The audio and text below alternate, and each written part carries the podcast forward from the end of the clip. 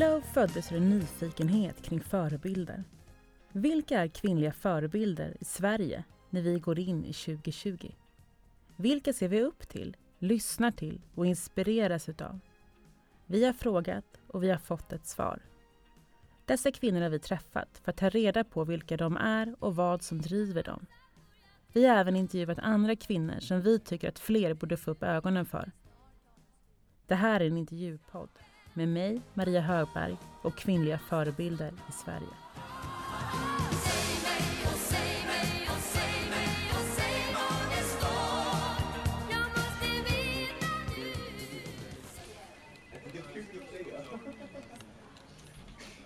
I konferensrummet är luften tung.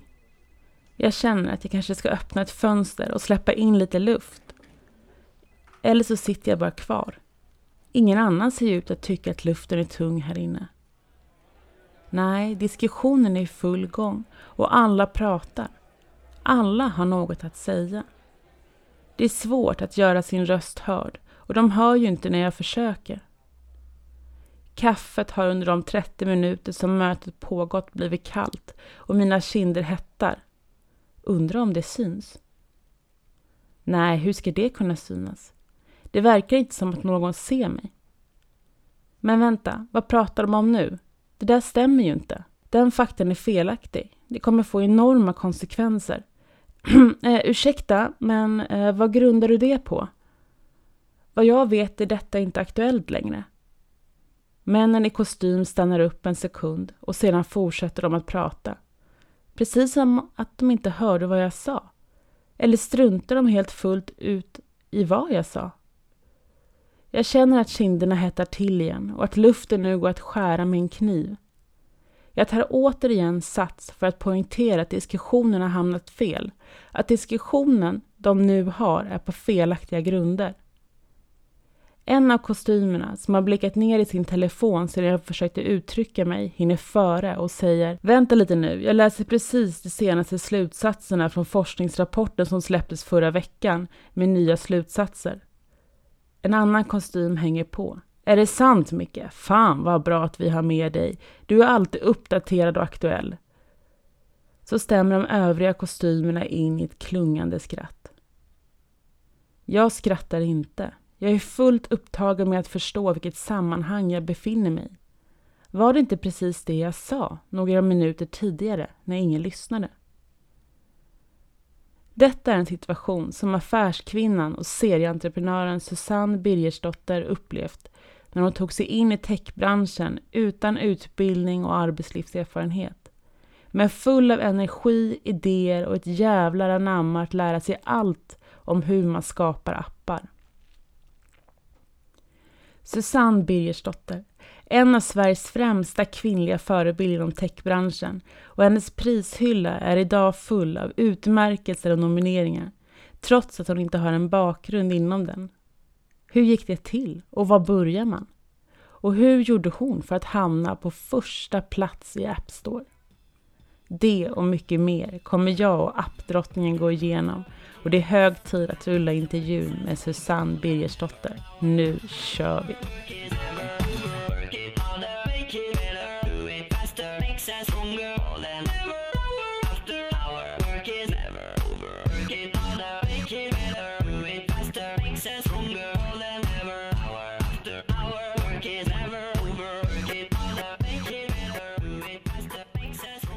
Men hej och varmt välkommen hit! Tack så mycket, vad roligt att få vara här. Ja, jättekul och det känns som att vi har massa spännande att prata om. Men jag tänkte bara börja med att kolla, hur mår du idag? Jag mår strålande faktiskt. Trots allting som händer runt omkring så eh, jag har nog försökt välja att se det positiva i det här. Min, jag har min dotter hemma från skolan, hon går i gymnasiet. Eh, vilket är ganska mysigt faktiskt. Mm. Eh, och eh, ja, solen skiner och jag har en lägenhet att bo i, mat på bordet. Mm. Och hur har, liksom, hur har du påverkats? Som du säger att du väljer att liksom se det här positivt och så. Har det varit så hela tiden eller är det liksom Nej, en alltså resa jag, du har gjort? Ja, alltså jag föreläser ju väldigt mycket. Eh, och väldigt mycket utomlands faktiskt. Så jag skulle ju egentligen varit i så här England, jag skulle åka till Zürich.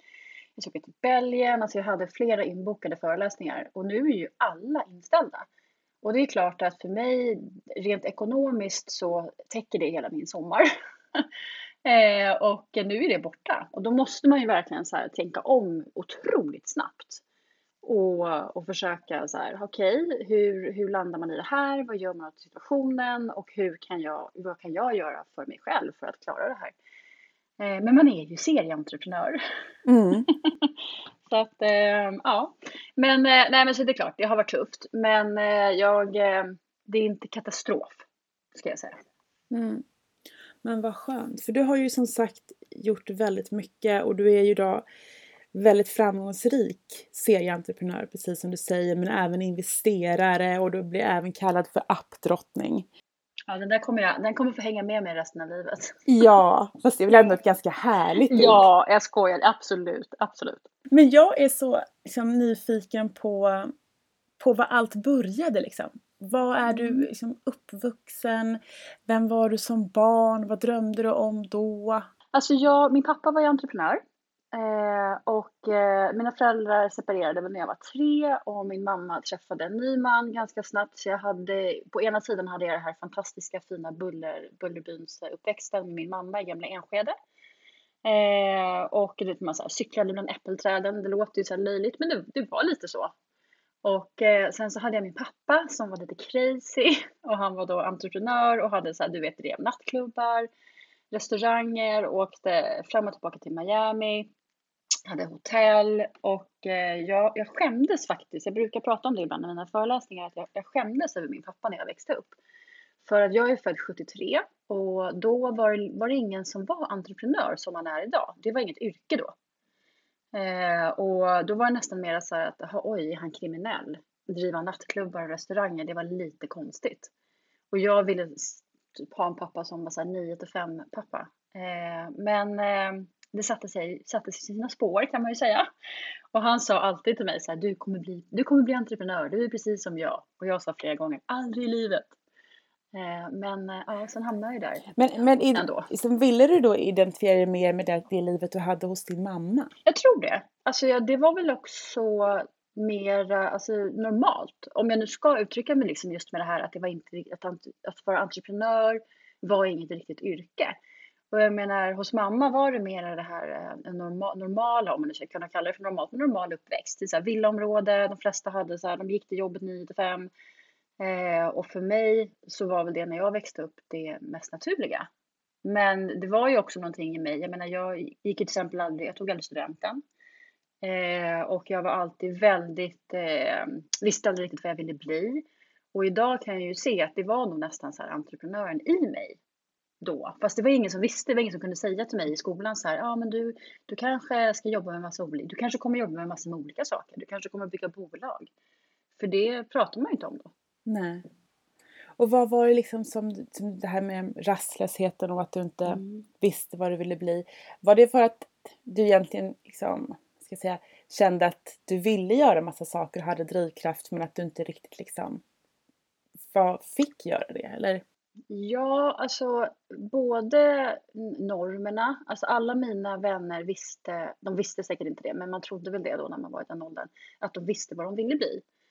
Eh, och jag visste ju inte riktigt det och det är klart att det var, det var, jag kommer ihåg att jag tyckte det var rätt jobbigt för att jag kände mig annorlunda. Och samma sak sen när folk så pluggade, mina, alla mina vänner de pluggade på universitetet och sådär och det var ju det livet och jag hade ju aldrig riktigt det livet. Eh, och det är klart att då var ju det, jag kände mig hela tiden lite utanför. Men du valde att hoppa av gymnasiet? Och det får man säga idag, jag vågar knappt nämna det. Jag har ju, liksom, jag har ju två tonårsbarn så jag bara, ni får vad ni än gör, hoppa inte av gymnasiet. Men de skulle i och för sig göra det, de är väldigt målinriktade. Eh, men ja, jag gjorde faktiskt det. Och då, jag tror att eftersom jag då är född 73 så var det sista eran där man på något sätt kunde vara ganska street smart. Alltså man klarade sig ändå. Man fick jobb. Det gällde bara att vara lite framåt. Ja. Och vad hade du liksom för, för egenskaper för att lyckas då med det? Jag var nog väldigt modig. Eh, alltså orädd på något sätt. Jag kunde gå in i, i en butik eller ett café och, och verkligen säga hej anställ mig, jag lovar, jag är jätteduktig. Fast jag kanske aldrig hade serverat så sa jag det. Eh, väldigt snabb på att lära mig, väldigt positiv inställning, eh, lätt för att lyssna.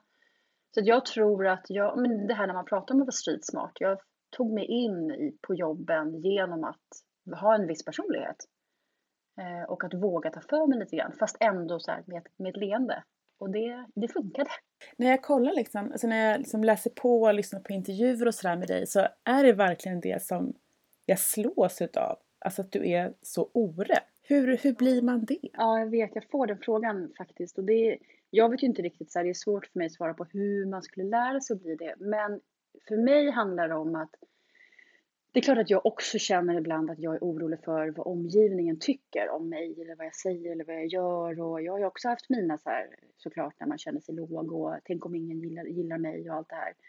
Eh, men jag försöker vända på det väldigt snabbt och det är väl där den här oräddheten kommer in att känna så här, men vad gör det om hundra år? Det låter lite grann som att jag skakar av mig, men, men jag tror att jag gör lite det, att så här, våga testa. Vi lever en gång, det är en värld. Eh, och så här, ah, men om jag inte gillade att göra det här, nu har jag testat det väldigt länge, om det är ett jobb eller vad det än må vara. Och så här, men jag, kan jag prova någonting annat? Vem skulle kunna säga till mig att jag inte får det? Det är ju bara jag som kan tala om det för mig själv. Eh, och det handlar väl lite grann om den här oräddheten, att jag vågar prova nya saker. Men det är också det som jag tänker att liksom, vi, har ju, vi lever en gång, det är en värld, men det finns ju inte bara en väg. Och det som jag också har hört så här, alltså skolan fun- var inte den rätta platsen för dig, utan att jobba. Mm. Och det här tycker jag mm. också är så, så intressant för att den resan som, de besluten du tog där funkade ju för dig för att byggt mm. den plattformen du har idag. Ja men visst, och det brukar jag tänka rätt ofta på sådär att Alltså jag har ju eh, det är så här, folk tittar på mig också lite grann när de får höra att jag är gift för tredje gången och jag är bara 47. Eh, och folk bara nej, så här, hur, hur kan det vara så? Så bara, ja men om jag inte hade gjort de här valen, då hade jag precis det du säger nu, de valen man gör inom livet, då hade jag ju inte varit där jag är idag och idag är jag ju lycklig. Och det, ja ibland, ibland klart att jag också tagit fel, eh, att jag har gjort fel saker och gått fel väg, men på något sätt så har jag alltid hamnat i att men det här var ett val jag gjorde och då får jag göra det bästa av den situationen som jag själv har satt mig i. Och det, och det är väl att välja kanske att vara lycklig. Och du började ju också liksom din entreprenörsresa med en butik. Kan du inte berätta om liksom hur du kom på att du skulle starta en butik och mm. Jag jobbade ju som butikschef på, i en eh, butik precis när det här hände. Eh, och då jobbade jag tillsammans med en tjej där som höll på med eh, blommor, så vi jobbade tillsammans. Och både hon och jag var väl, hon hade haft en butik tidigare och vi båda var väldigt entreprenöriella i vårt liksom, tankesätt. Eh, och sen så fick vi, såg vi att det fanns en ledig lokal uppe på Linnégatan och då, eh, Sibyllegatan förlåt, och då stod vi till. Och det var också så här, jag var precis nyskild, jag hade två barn, eh, hade min lägenhet så det var ju helt fel egentligen så här. Alltså jag skulle aldrig säga till någon annan, till, vem till mig, så här, jo men vet du vad du gör? Starta en egen butik nu när du inte har några pengar. Eh, men jag gjorde det och eh, kan lätt säga att det var en fantastisk känsla. Alltså när jag kom till butiken på morgnarna och satte så nyckeln i dörren, då hade jag en sån glädjekänsla i kroppen. Av att så här, det här är ju mitt. Att få du vet, komma in och så här, packa upp grejer. Bara det här fåniga som att så här, räkna kassan, sätta på kaffet, eh, välkomna kunderna. Det var en, en extrem, jag kommer verkligen ihåg hur otroligt bra jag mådde. Eh, du vet, jag tog med mig barnen dit på helgerna och äh, satt utanför och åt glass med kunder och drack kaffe. Och, äh, det var fantastiskt. Eh, men sen så öppnade ju Åhléns då på Östermalmstorg och då var det kört. Då, då dog vi. Det var så här butiksdödens död kan man säga. Eh, det var vinter, vi hade gjort felinköp och men det var ju också så här med, med facit i handen, otrolig lärdom. Och det är så många som säger till mig så här, du får aldrig prata om att du har gått i konkurs för det är det värsta mm. man kan göra. Och jag är så här, men nu gjorde jag ju det. ska, jag inte, ska jag inte säga det då? Ja, varför är det så farligt? Ja, ah, det är så konstigt att vi här i Sverige är så. För när jag föreläser i USA, då är det ju helt annorlunda. Då uppmuntrar ju de nästan det. De är så ah men har du gjort konkurs? Gud så bra, hej, liksom, då har vi mycket att prata om. För att de ser ju som, ja precis, det är ju lärdom. Eh, men här är det väldigt mycket hysch-hysch och det var faktiskt en journalist som sa till mig för flera år sedan när jag sökte investeringar till mitt, ett av mina bolag. Då sa hon så här, ah, vad du än gör nu så säg inte att du har gått i konkurs. Och då kände jag så här, eh, det där tänker jag inte lyssna på. Utan snarare tvärtom. Jag vill ju på något sätt kunna belysa andra människor och berätta att okej, okay, man vill verkligen inte gå i konkurs. Men vad händer med, med, inte bara bolaget, utan med dig själv som person när du gör det? För du hamnar i någon skämssituation. Och det är ju egentligen bara omvärlden, som titt- eller då här i Sverige, som tittar på dig och tycker att du har misslyckats. Istället för att säga så här, okej, okay, nu har du gått konkurs, hur kan vi hjälpa dig att lösa det här? Och det är ju inte, det är inte ditt fel. Oftast så är det ju inte så att man själv personligen har gjort någonting, utan det är ju omständigheter som gör det. Men det är i alla fall, det, det kommer jag ihåg att det var verkligen så här, nej, det får du inte prata om. Men det var i alla fall min första så här, resa i, när jag började med entreprenörskapet kan man ju säga, när jag startade butiken. Att få ja, äga sig själv och sin egna tid. Och det fick du liksom blodad tand ifrån? Ja, det fick jag. Eh, verkligen, för det var ju sen efter det som jag startade mitt första appbolag. Ja, för då kom din ja. dotter hem där. Mm, stämmer. Hon hade så himla svårt att lära sig gångertabellen. Och då letade jag efter en app till henne och tänkte så här, ja men det är klart att det måste finnas någon bra app. Eh, hittade ingen som varken hon eller jag gillade. Och tänkte att äsch, då får jag väl göra den själv. Och det var ju också lite så här crazy för att jag kan ju, jag är verkligen kan ingenting om IT. Eller kunde. Nej men hur, hur jag tänkte så här, hur kom den idén Ja då? men alltså, det, ja, men det är liksom... också lite grann där som kanske har med entreprenörskapet att göra. du ser, du ser ingen motstånd, du ser bara möjligheter. Eh, och då för mig var det så här, okej okay, om jag nu vill ha en app, hur gör jag då? Så jag googlade, så här, hur gör man en app? Eh, och då hittade jag det här, då hette det Appwork och det är när man anställer folk över hela världen. Så då hade jag programmerare i Ukraina, utvecklare i Nepal och hon som ritade satt i Polen. Och så skypade jag med dem på kvällarna eh, från mitt köksbord och försökte då förklara lite grann så här, vad är det jag vill ha i den här appen, hur ska den se ut och varför?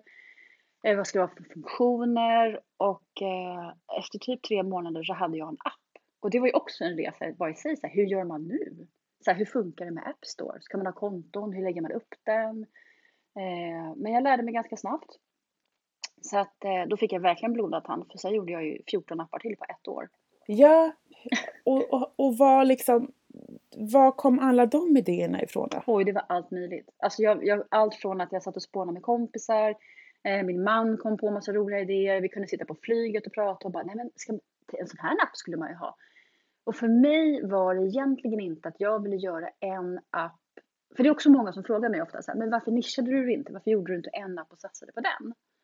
Och det var för att jag ville ha ett appbolag. Jag såg ganska snabbt att om istället för att jag har en app och så ska jag livnära mig på den, så är det bättre att jag lär mig hur bygger man olika typer av appar. Både eh, små, kort, alltså små appar, stora appar, eh, appar som är lätta att utveckla, svåra att utveckla. Och det var det som gjorde att jag testade med massa olika appar. Och sen så gjorde jag ju den här 5.2 hälsoappen som ja, hamnade precis. på första plats i App Store. Ja. Och det var ju också en galen. För det är också ganska roligt för då ringer liksom din eh, väninna till dig och säger att du ska kolla ja. på det här för att det är en bra bantningsmetod. Ja. Och det enda du tänker är app, app, app, app, app. Ja, exakt.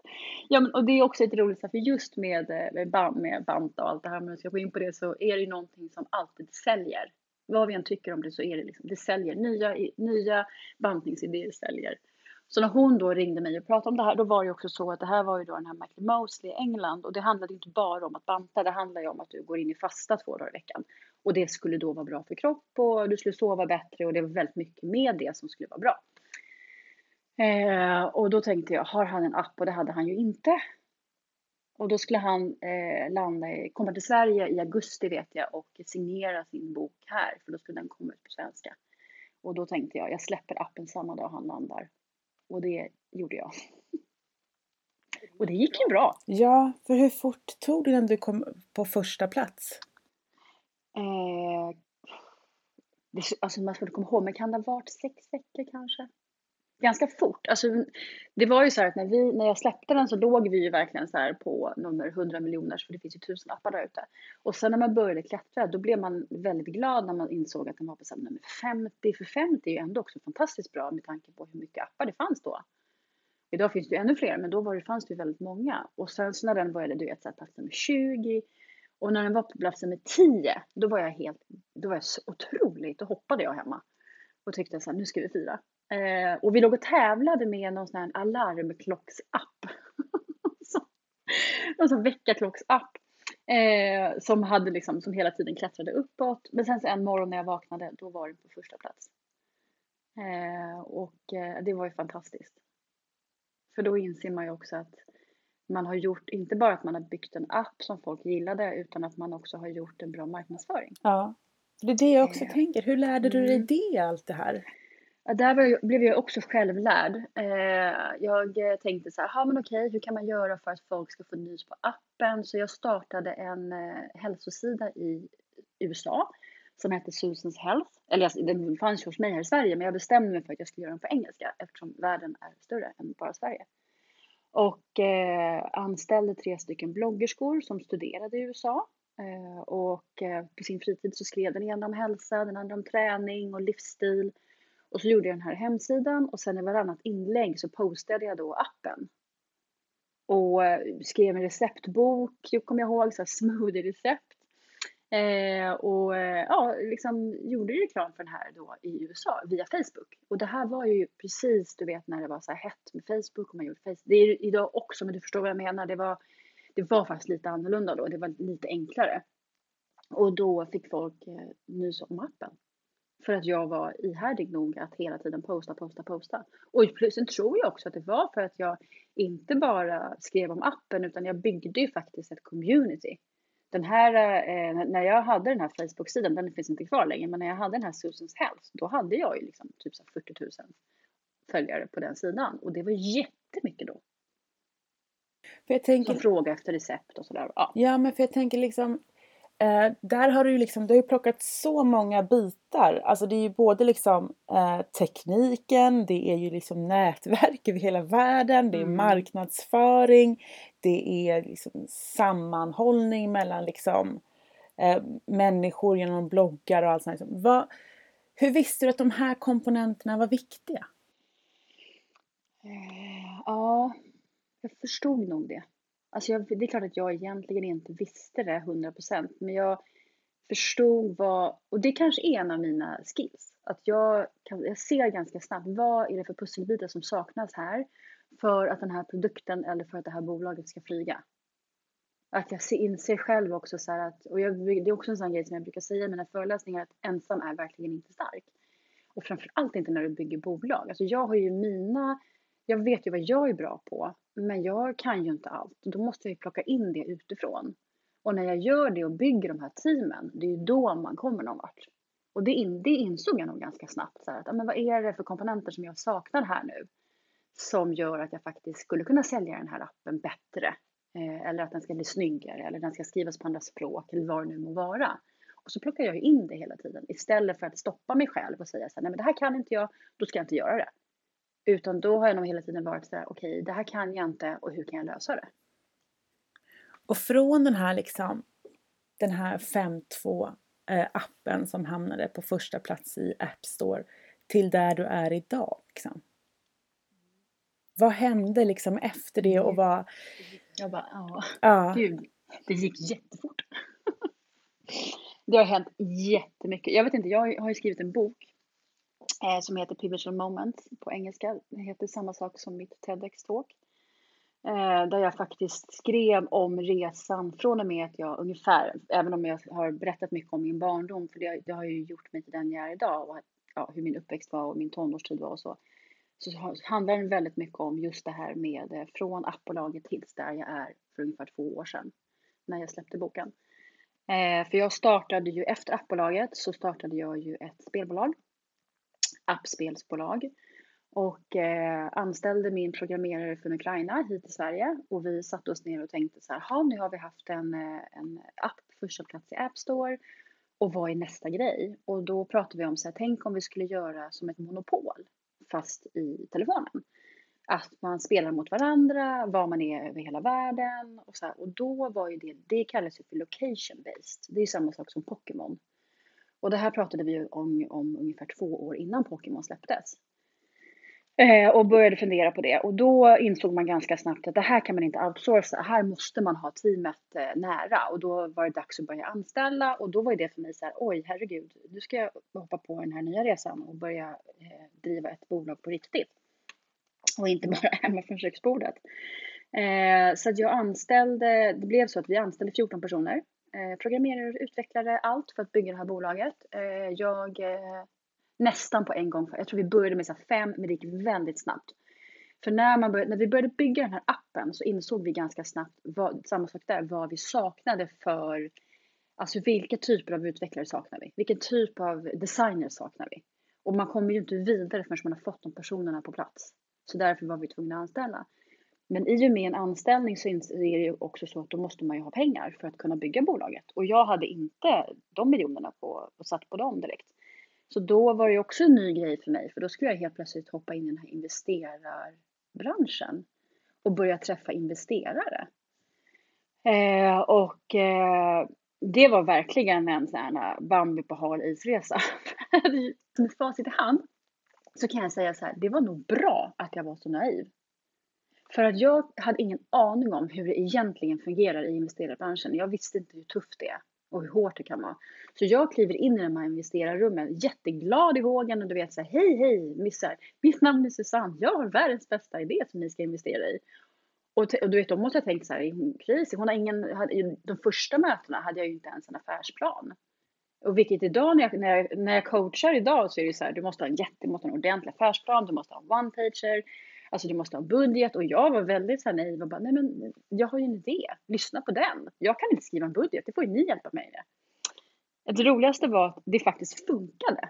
Så att de första pengarna jag fick in, det var ju lite så här friends and family. Som, eh, som verkligen sa, men gud, okej, okay, hon är lite galen, men kommer hon äta nudlar? Ja, vi satsar på henne. eh, och sen var det ju dags att ta in de lite större pengarna. Och då var det lite annorlunda. Då jag kommer ihåg när de, när de ringde mig när Petter Storndalen investerade. Ja, hur, hur, liksom, hur, kom det, hur fick du ni kontakt liksom? Den kontakten fick jag av en annan investerare. Eh, som sa det så här, det här kan nog vara någonting för Stordalen för att de, han gillar att investera i den här typen av projekt. Eh, så då var jag i Norge och så hade jag då de här mötena och sen så åkte jag hem och sen när de ringer mig två dagar senare och så säger de bara så här, hej, hur mycket pengar behöver du? Och du kan ju tänka dig själv, det var ju så här, uh, en miljon, två miljoner, tre miljoner. Nej. Eh, och då började det på riktigt. Och då började det allvaret liksom. För då var det verkligen så att då måste du ha en styrelse, alltså allting måste ske by the book. Eh, ja. och där var jag, Men blev, jag, vad, fick du någon så här liksom reflex att vad håller jag på med? Nej, inte just då. Just då var jag nog inne i en otrolig uppförsbacke. Jag var inne i en uppförsbacke. Eh, och jag kommer ihåg att jag var så otroligt glad varje dag över vad jag gjorde. Att jag, så här, jag hade den här känslan så här, tänk att lilla, lilla jag som inte någonsin har jobbat med det här helt plötsligt är VD för ett spelbolag. Och jag får vara med mittuppslaget på Dagens Industri där de skriver så här, Susanne Birgersdotter, Sveriges appdrottning ska släppa nästa Pokémon. Men bakslaget med det blev ju också att jag det är ju press. Pressen på att vara med i alla de här Breakit och Dagens Industri och vara med i poddar och jag var, fick, fick en extrem uppmärksamhet för jag var en av de första kvinnorna som startade spelbolag och framförallt då utan erfarenhet. Eh, men då, då, då, förstod jag inte riktigt och då tyckte jag verkligen så här, gud vad bra, vad roligt. Och jag tror att det var det lite grann som höll mig uppe och bolaget min glädje över det här. För sen när bakslagen började komma och vi inte levererade som vi skulle. Jag började få investerare som började så här ifrågasätta, när kommer produkten? Eh, jag var inte överens med min styrelse. Jag kom inte överens med, eh, vi, vi tillsatte en ny VD, eh, vi kom inte överens. Då började ju det här krypa på mig lite grann att okej, okay, vänta nu, jag har ingen kontroll längre. Eh, och det är klart, och det var därför faktiskt som jag skrev den här boken, för att jag ville på något sätt att folk skulle förstå hur, hur, hur, när någon drar undan mattan under fötterna på dig och hur det känns. När du liksom är, eh, när folk tittar på dig och ser dig som en inspiratör och framgångsrik techkvinna och det enda jag, jag gick ju, alltså när, på morgnarna under den här perioden när jag öppnade min telefon så hade jag ont i magen varenda dag för att jag var rädd för vad jag skulle få på mejlen. Och det är inte bra. Och vad hände med dig då som person liksom? Ja, alltså det är väl också det att jag önskar nästan att jag hade brutit ihop eller eh, blivit arg eller ledsen och förklarat för mina, mina vänner och min familj hur jag egentligen mådde. Men jag har någonting sådär, jag har, min Susanne i sig själv är ju, jag är ju väldigt sådär på. När, hamnar jag i en kris så försöker jag borsta av mig och gå vidare. Vilket gjorde att jag hela tiden höll uppe det. Så att jag var såhär, nej det här ska jag lösa, det här ska jag lösa. Men, jag, men innerst inne, jag fick ju så här, jag fick ångestattacker. Eh, mådde ju egentligen extremt dåligt över att ha 14 anställda. Eh, jag ska driva det här bolaget, återigen det här med styrelse, investerare. Vi började förlora pengar, vi skulle ta in nya pengar. Jag blev lurad av en investerare. Eh, så att jag höll ju på att förlora hela bolaget. Vi kunde inte betala löner, vi kunde inte betala skatten. Eh, alla tittade på mig. Och bara så här, lös det här. Vilket jag faktiskt gjorde. Men... Berätta om det, för du fick ju, de sa att du fick 48 timmar på dig, ja. dina investerare, att lösa ja. allting. Eh, alltså min styrelse sa det till mig så här, att nu, nu, nu får du lösa det här. Du har 48 timmar på dig, för på måndag så måste, det här var innan midsommar. Och du kan ju tänka dig själv att inte betala löner i Sverige innan midsommar. Det är så här, ja. Eh, och ehm, ja, på måndag måste lönerna betalas och vi måste betala skatten. Och eh, då gick jag hem, köpte en flaska vin, la mig i sängen, eh, öppnade min dator och eh, på något sätt så agerade jag bäst i kris just då för att då var det så här, okej, okay, hur ska jag lösa det här? Och jag har ju ändå byggt upp ett ganska bra nätverk under de här åren och eh, var med i ett kvinnligt nätverk där jag skrev ett mejl till dem att eh, istället för att skriva så här, behöver det så synd om mig för att ingen vill investera i en loser, då hade jag kanske fått en lunch och lite vin, men inte så mycket mer med det. Så då skrev jag det så här att nu, har, nu kommer vi gå ut, jag går ut, jag säljer andelar i bolaget, eh, vi ska slå på stort och behöver ta in nya pengar. Nu har ni 48 timmar på er att investera i det här bolaget. Och skickade på enter och klickade och eh, iväg med det här mejlet och Sen efter ungefär 10 minuter så kom första svaret så här, jag vill investera. Och sen bara kom det, helt, alltså mejl efter mejl efter mejl. Så på 48 timmar så hade jag fått in tillräckligt många miljoner för att rädda bolaget. Sen var jag helt slut. Sen, sen kunde du bryta ihop i lugn och ro? Ja, faktiskt. Sen, sen lämnade jag bolaget. Ja, sen lämnade du det. Ja. Men alltså hur kändes det? Alltså, för helt plötsligt så liksom på, på den korta tiden liksom, så är det ju en tanke som du får, som du går liksom all in på som fungerar. Mm. Kan man få liksom något bättre kvitto på att man är liksom jäkligt bra? Nej, och det där, det är lite så här kul att du säger det för att man är, vi, så, vi, jag är så väldigt duktig på att inte komma ihåg sånt. Att du vet så här att, ja men vad har du gjort egentligen? Kan jag tänka ibland. Så här, men vad har jag gjort för någonting egentligen? Och så när jag försöker påminna mig själv om de här situationerna. Så bara, men alltså hur grym var du inte? För det, det, är ju precis som du säger, det är ju verkligen ett kvitto på, snacka om lösningsorienterad. Eh, och det är väl lite grann så jag är.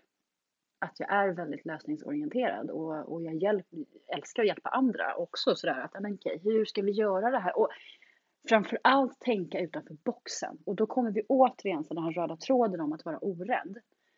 Att, att våga tänka utanför boxen handlar ju också om att det kan, tänk om det blir konsekvenser av att jag inte går i, rättar mig efter ledet nu. Men om du vågar det så vinner man så väldigt mycket tillbaks. Mm. Men det jag tänker också som måste varit en nyckel i det här, det är ju också att du måste ha byggt ett väldigt starkt förtroende för dig själv. För att folk ska göra den här investeringen. Du satte ju en tidspress på dem på 48 ja, timmar, vilket är jättebra. Men jag tänker också att vad gjorde du, liksom, ditt personliga varumärke som du har jobbat med mm. måste ju varit väldigt starkt. Visst, visst är det så. Eh, och jag förstod, jag visste nog inte riktigt det, att det, att det var så starkt. Eh, men, men det är klart att det var det. Och jag har, har nog bevisat både för andra och för mig själv att här, jag, säger, jag någonting så gör jag mitt yttersta för att klara av det. Och framför allt om andra människor förlitar sig på mig. Och det vet de. Så att det har ju, det har ju byggt mitt varumärke. Eh, och jag menar senast nu under den här eh, faktiskt coronatiden så har jag blivit approachad liksom och lite så här headhuntad på andra jobb. Eh, och då säger, säger de ju det, framförallt en person som jag pratar med som säger det så här att vi, du, du har, vi respekterar dig. Och, så här, och du är väldigt, du tänker utanför boxen och sen är, är, du väldigt ärlig. Du är ärlig utan att vara oförskämd, vilket känns bra att höra. Eh, men jag är nog väldigt ärlig. Både i mina texter när jag skriver på LinkedIn eller på liksom min Instagram eller vad det än må vara så är jag väldigt sådär, så här ser livet ut. Eh, och framför allt då kanske när det gäller investerare och styrelserum och techvärlden och sådär. Ja, för att jag tänker det här med respekt som du säger nu, som du fick det här samtalet, mm. vilket liksom någonting som du inte har upplevt att du har fått i alla sammanhang tidigare Nej. när du som kvinna ger dig in i en bransch som är mansdominerad och Nej. utan kunskap om den liksom. Ja, visst. Nej, och det, det tråkiga där är väl det att egentligen så fick jag den eh, känslan ifrån mitt egna bolag när jag väl hade det att det fanns ingen respekt. Jag hade byggt det här bolaget, jag hade tagit in alla pengarna. Eh, jag hade tillsammans med min man kommit på en fantastiskt bra idé eh, och, eh, och fick ingen respekt.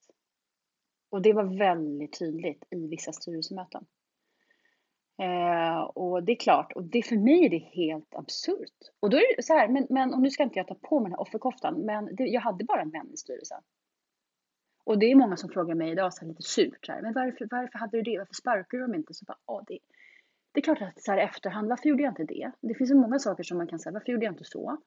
Eh, men jag bröts ner sakta men säkert också i det här bolaget och då blir man inte så kaxig. Eh, och jag, jag lät, tillät dem på något sätt att styra över mig, vilket, vilket också är sådär, det är inte alls jag. Så för mig, när jag tänker tillbaka, så bara vad hände med mig egentligen?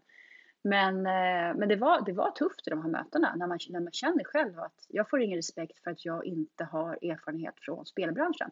Och det lustigaste är att när jag tänker tillbaka så är det så här, det hade ju inte de heller. Mm. Det, det är så här, men de var män. Men de var män. Mm. Tror du att de var liksom, var de förstod de inte dig? Eller var de rädda för dig? Eller struntade de i dig? Jag tror att de eh, struntade i mig, men samtidigt så tror jag också att de var rädda för... De, istället för att nyttja den jag var, mina idéer, mitt sätt att tänka utanför boxen, eh, att... Eh, eh, så här, jag tror att de tyckte att, nej men oj, vi måste tysta henne. Alltså lite grann så här, lägga locket på. Nej men nu, ska, nu kommer Susanne här och så har hon en massa, massa idéer och så vill hon göra så här.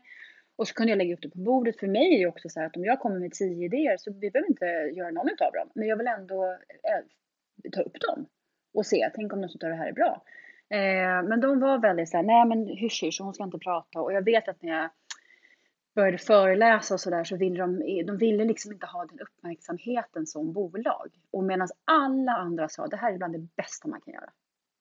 Jag är väldigt god vän med, med en person som driver ett spelbolag som är väldigt stort och han sa verkligen så här, du gör helt rätt.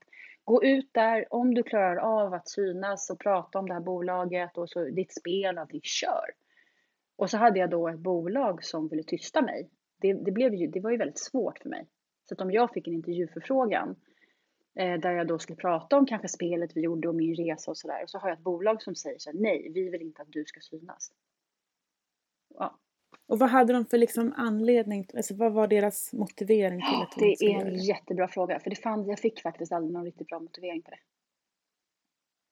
Utan det var bara, vi vill, lite grann så här, egentligen mellan raderna så sa de väl, vi vill inte ha kvar dig här. Men när du kom ut då, liksom, och började föreläsa och få liksom, uppmärksamhet mm. utifrån, liksom. Kände du mm. då att du liksom fick respekt och gehör och allt det här? Liksom? Absolut. Alltså det är nog, det är den, jag var ju väldigt låg där ett tag och, och kände ju själv att så här, min själv, självkänsla kanske inte var på topp efter den där resan. Eh, men sen när jag började föreläsa och den kärleken jag får när jag föreläser, det är, det är lite det som är den här wow-känslan. Eh, jag har ju personer som har börjat gråta när de lyssnar på mig när jag föreläser och det är inte så att jag säger att det är bra, men det är no alltså, och då står inte jag på scenen och säger så här, uhu, det är så synd om mig. Men jag är återigen ärlig i min dialog och jag berättar hur det har varit och de känner så väl igen sig i min historia. Och därför kan jag ju känna så här att vi behöver prata kanske mer om det här. För att där sitter det så här 300 personer och lyssnar på en föreläsning. Och jag ser på främre raden hur vissa kvinnor blir otroligt rörda och berörda. Och det är också väldigt många män som kommer fram till mig efteråt och vill så skaka hand. Du vet, vissa bara “Can I hug you?” eh, och så här, jag, Också män som känner igen sig i min historia när jag pratar om investerare, pengar, vilket ansvar man får. Eh, så jag inser ju också på något sätt att min historia är viktig. För andra. Mm. För du föreläser ju både i Sverige och eh, utomlands. Mm. Och du säger också att, liksom, eller du beskriver att det finns liksom en skillnad i hur du blir bemött till exempel i USA i förhållande till Sverige också. Mm. Ja, alltså i, ehm, och det är lite så här, i USA är de ju på ett speciellt sätt. Det är ju väldigt mycket positivitet och hurra och sen kan man ju ibland tycka så här, gud vad de håller på. Men det är ju också ganska så här, när man, framförallt när man föreläser och de ställer massor med frågor, de är positiva och efteråt så vill de så här, kan I buy a coffee? Så här, får jag köpa din bok? Kan vi prata om det här? Får jag kontakta dig på link? Alltså det är väldigt mycket. Eh, och just det här att de uppmuntrar eh, resan på ett annat sätt. Det här med att man blir lurad av investerare, man har gått konkurs. Att det är en berg och att bygga bolag. Och där de, de vill ha den historien. Här, är det, här vill man det. Och jag får jättemycket fin, fin respons när jag föreläser i Sverige. Alltså extremt mycket fin. Jag får jättefina recensioner. Men här är det lite mer tillknäppt. Man vågar inte riktigt ställa frågor på samma sätt. Och, eh, nej men, och det är väl också så att vi, vi är olika personligheter i länderna helt enkelt. Men jag får väldigt mycket positivitet när jag föreläser i USA, absolut. Mm. För jag tänker också så här, typ, ibland så brukar jag tänka när jag, när jag jobbar eller har någon idé så här, om någon, om man inte får gehör, så här typ, okej, okay, mm. de förstår inte än. Alltså jag brukar försöka ha det förhållningssättet. De jag pratar med nu som inte jublar, de har bara inte fattat. Jag får gå till en annan. Mm. mm. Och lite så tänker jag så här, de som du jobbade nära i det här bolaget, mm. de fattade ju inte heller liksom din storhet. De ville ju sänka den. Mm. Och sen mm. så gick du ju liksom till en annan arena och där helt plötsligt så liksom blommar och det tycker jag är så med, mm. Det tycker jag är så himla inspirerande att bara mm. för att just de som du pratar med nu inte jublar så betyder det inte att det inte är en bra idé. Du kanske bara Nej. pratar med fel personer. Visst, och då måste man ju också våga byta arena. Och det var väl också lite så här, vem, som jag tänkte när jag började föreläsa, så här, mm, mm, vem, vem ska vilja lyssna på mig första gången? Så där. Och det var fruktansvärt obehagligt och var jättenervös. Men sen när jag insåg så här, oj, det här är ju en hel värld som vill höra vad jag säger. Alltså de, oj, vad hände här nu? Eh, och precis som du också återigen säger nu, att det bolaget som jag då drev, jag har ju noll kontakt med dem idag. Alltså noll, det är verkligen så här, ser vi varandra på stan så det är precis som att vi aldrig har träffat varandra i, i den ledningen. Eh, och de vill ju tysta mig även när jag började föreläsa. Vilket är helt, det, jag har ju så här stories här som jag, man får ta någon gång när man har tid, men, men som är helt absurda hur de, hur de betedde sig och hur de ville att jag inte fick säga bolagsnamnet när jag föreläste, fast jag har grundat bolaget. Och då är det, så, ja, det, är mycket, ja, men det som är så fascinerande tycker jag med, med den typen av människor, att man orkar lägga så mycket energi på någonting som inte har med en själv att göra eller kommer driva någonting framåt. Mm. Men då undrar jag så här. Nu vet, nu har jag ingen aning, så nu slänger jag mig bara ut med det. Men jag undrar om det är så att det var för att jag var kvinna. Att de kände sig hotade på något jättekonstigt sätt. För jag tror, för min man brukar säga till mig så här också att när, när vi pratar om den här historien, han bara, hade du varit man så hade det här aldrig hänt. Och då blir jag jättefrustrerad. Men samtidigt så kan jag förstå det.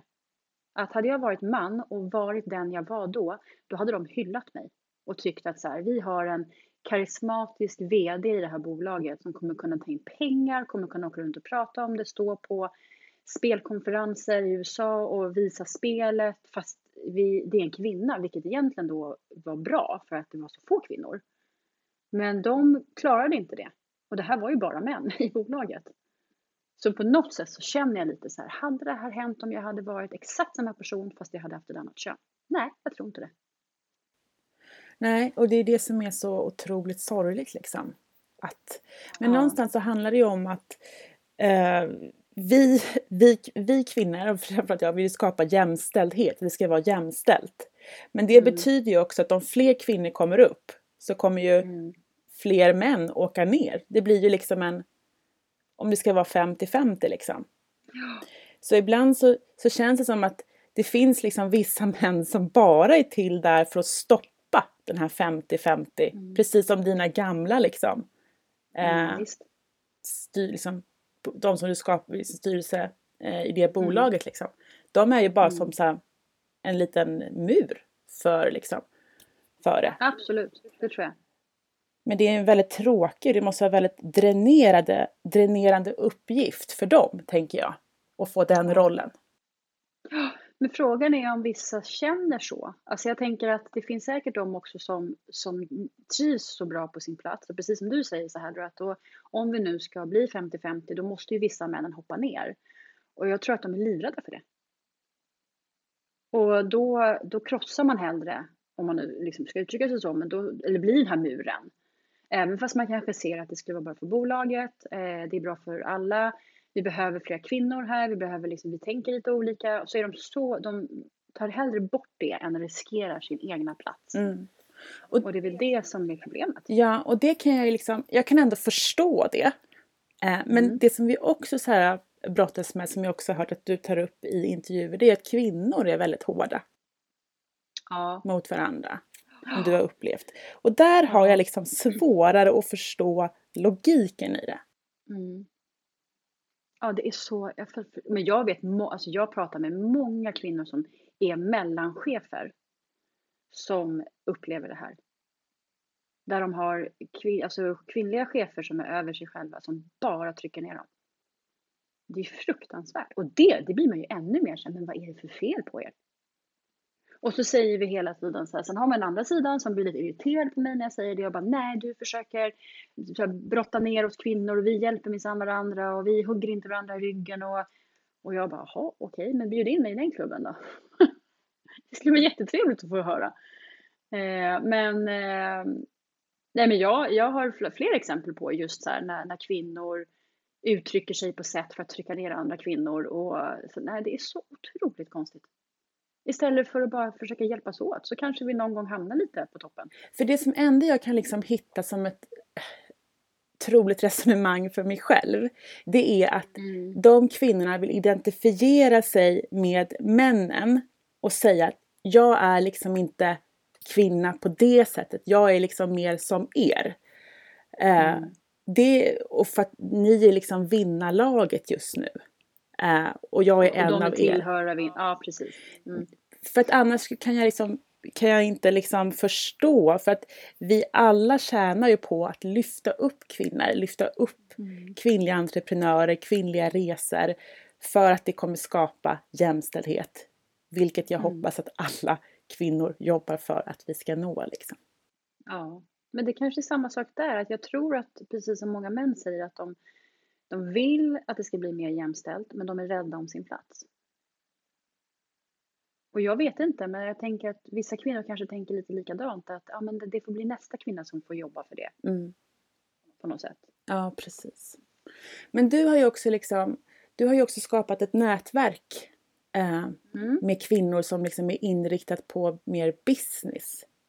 Mm. än snittar och rosé. Kan du berätta om liksom, hur den idén föddes och vad det är för något? Alltså det är, ju- det är bara, egentligen så är det ju bara en eh, webbsida som jag har som heter World Women Network och den startade jag bara för att jag, eh, precis det du säger nu, vill att man ska kunna connecta med varandra över hela världen och prata om just entreprenörskap. Eh, nu håller vi faktiskt på, ska försöka starta upp den i Sverige också och att det ska bli mera att man eh, ses på riktigt och verkligen har sådana träffar. Eh, och även man, jag dricker gärna rosé och äter snittar men jag vill ju att vi ska skapa business. För att det är det det här handlar om, om vi ska hjälpa, åt- hjälpa varandra. Att kunna sitta i ett möte med 20-30 andra kvinnor och säga vad behöver jag hjälp med, vad behöver du hjälp med? Eh, nu tar vi två timmar där vi bara pratar business och sen någon kanske behöver hjälp med en ny revisor, någon behöver hjälp med marknadsföring och då är det någon annan alltid som sitter där, du vet så här, jag har kontakter där, hjälpa varandra att bygga bolagen. Eller så här, jag behöver investerare eller också våga säga mitt bolag går inte speciellt bra nu, jag behöver coaching, jag behöver hjälp med det här. Okej, jag hjälper dig. Eh, det för, för mig är det riktigt nätverk. Att verkligen så här, bygga varandras företag. Och jag tänker också att det var ju ett sånt nätverk som räddade dig en gång i tiden också. Exakt. Absolut, visst är det så. Eh, och liksom om man ser framåt nu då. Nu är det ju kanske lite mm. ovisst eh, i de tiderna vi är. Men vad drömmer du om och vad har du för liksom framtidsplaner? Mm, precis, det är lite ovisst, det kan jag ju säga. Så det är svårt att svara exakt på det. Men eh, alltså jag jobbar ju alltid med entreprenörer eh, och eh, hjälper andra bygga bolag helt enkelt just nu. Och det är väl det jag gör, fokuserar på. Eh, att kunna, när folk, att, när, när, folk behöver hjälp med att tänka utanför boxen eller rädda ett bolag eller de ska expandera utomlands eller de ska ta in, göra fler produkter eller så här, hur kan jag göra det? Eh, och där går jag ju in och hjälper till med min kunskap. Eh, så det är väl det som ligger lite så här i tiden. Men det är som du säger, man vet aldrig. Du ring tillbaka om sex, tre månader. Mm. eh, nej men man vet, just nu är det lite svårt. Så ska man eh, kanske jobba? Ska man så, ta med konsultjobb? Ska jag fortsätta med mina bolag? Så jag har ju gjort saker nu. Jag har ju andra bolag som jag driver som har stoppats nu på grund av det här. I produktioner. Och det är klart att det drabbar ju mig med. Och då måste man ju tänka om lite sådär. Hur ska man fortsätta med det och hur lång tid kommer det här att ta? Och, eh, ta ett djupt andetag och tänk vart, vart tror jag att världen, hur tror jag världen ser ut om ett år? Och vart vill jag vara då? Och hur kan jag ta mig dit? Mm. Och om man tänker då som att eh, idag jobbar du med att hjälpa eh, andra att bygga mm. bolag. Liksom. Om vi skulle så här, sammanfatta som tre tips som du alltid säger till dem du vill mm. hjälpa. Mm. Och till alla där ute som lyssnar och som också har liksom, drömmar om det här. Vad ska man? Mm. Alltså det viktigaste är återigen det här med att ensam är inte stark. Eh, se till att bygga team och framför allt då ta in den kunskapen som du själv inte besitter. Det är för mig det absolut viktigaste. Eh, och sen så, så här, kill your darlings. Ibland så kommer man på idéer som kanske inte var så bra. så här, gå vidare. Släng iväg den och gå vidare. Haka inte upp dig för mycket på det. Eh, och eh, för, eh, det här är jättesvårt, jag vet det och jag kan vara dålig på det själv. Men försök att inte lyssna för mycket på vad andra säger om dig.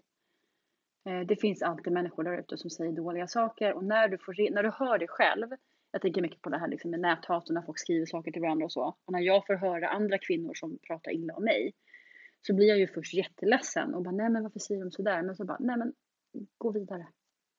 Så här, fokusera på ditt, fokusera på ditt bolag, dina vänner, din familj, din lycka och försök att inte ta åt dig för mycket. För när man bygger bolag och framför allt när man blir lite framgångsrik i Sverige så vill jag folk gärna hoppa på dig. Eh, och eh, det är bara att försöka. Och då tycker jag, då ska man också, kan man skaffa sig en mentor. Eh, eller en coach där man verkligen så pratar om just det här med bolaget och att kanske skaffa en mentor som är lite en allmentor där man kan prata både om sina egna problem eh, men också bolagets problem. För då har man också någon som man kan bolla det här med. Men tack så jättemycket för att vi fick dela din historia och för dina generösa tips. Och så hoppas jag att vi kommer få se mycket mer av dig framöver.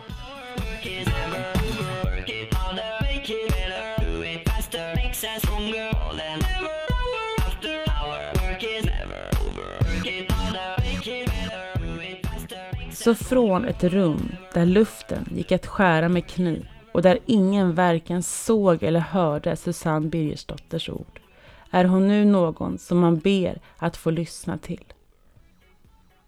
Om sitt liv, om sin resa och hennes framtidsutsikter. Vi måste dagligen påminna oss om att bara för att vi befinner oss på en plats där vi inte vill vara så kan vi ta oss därifrån till den plats vi vill vara.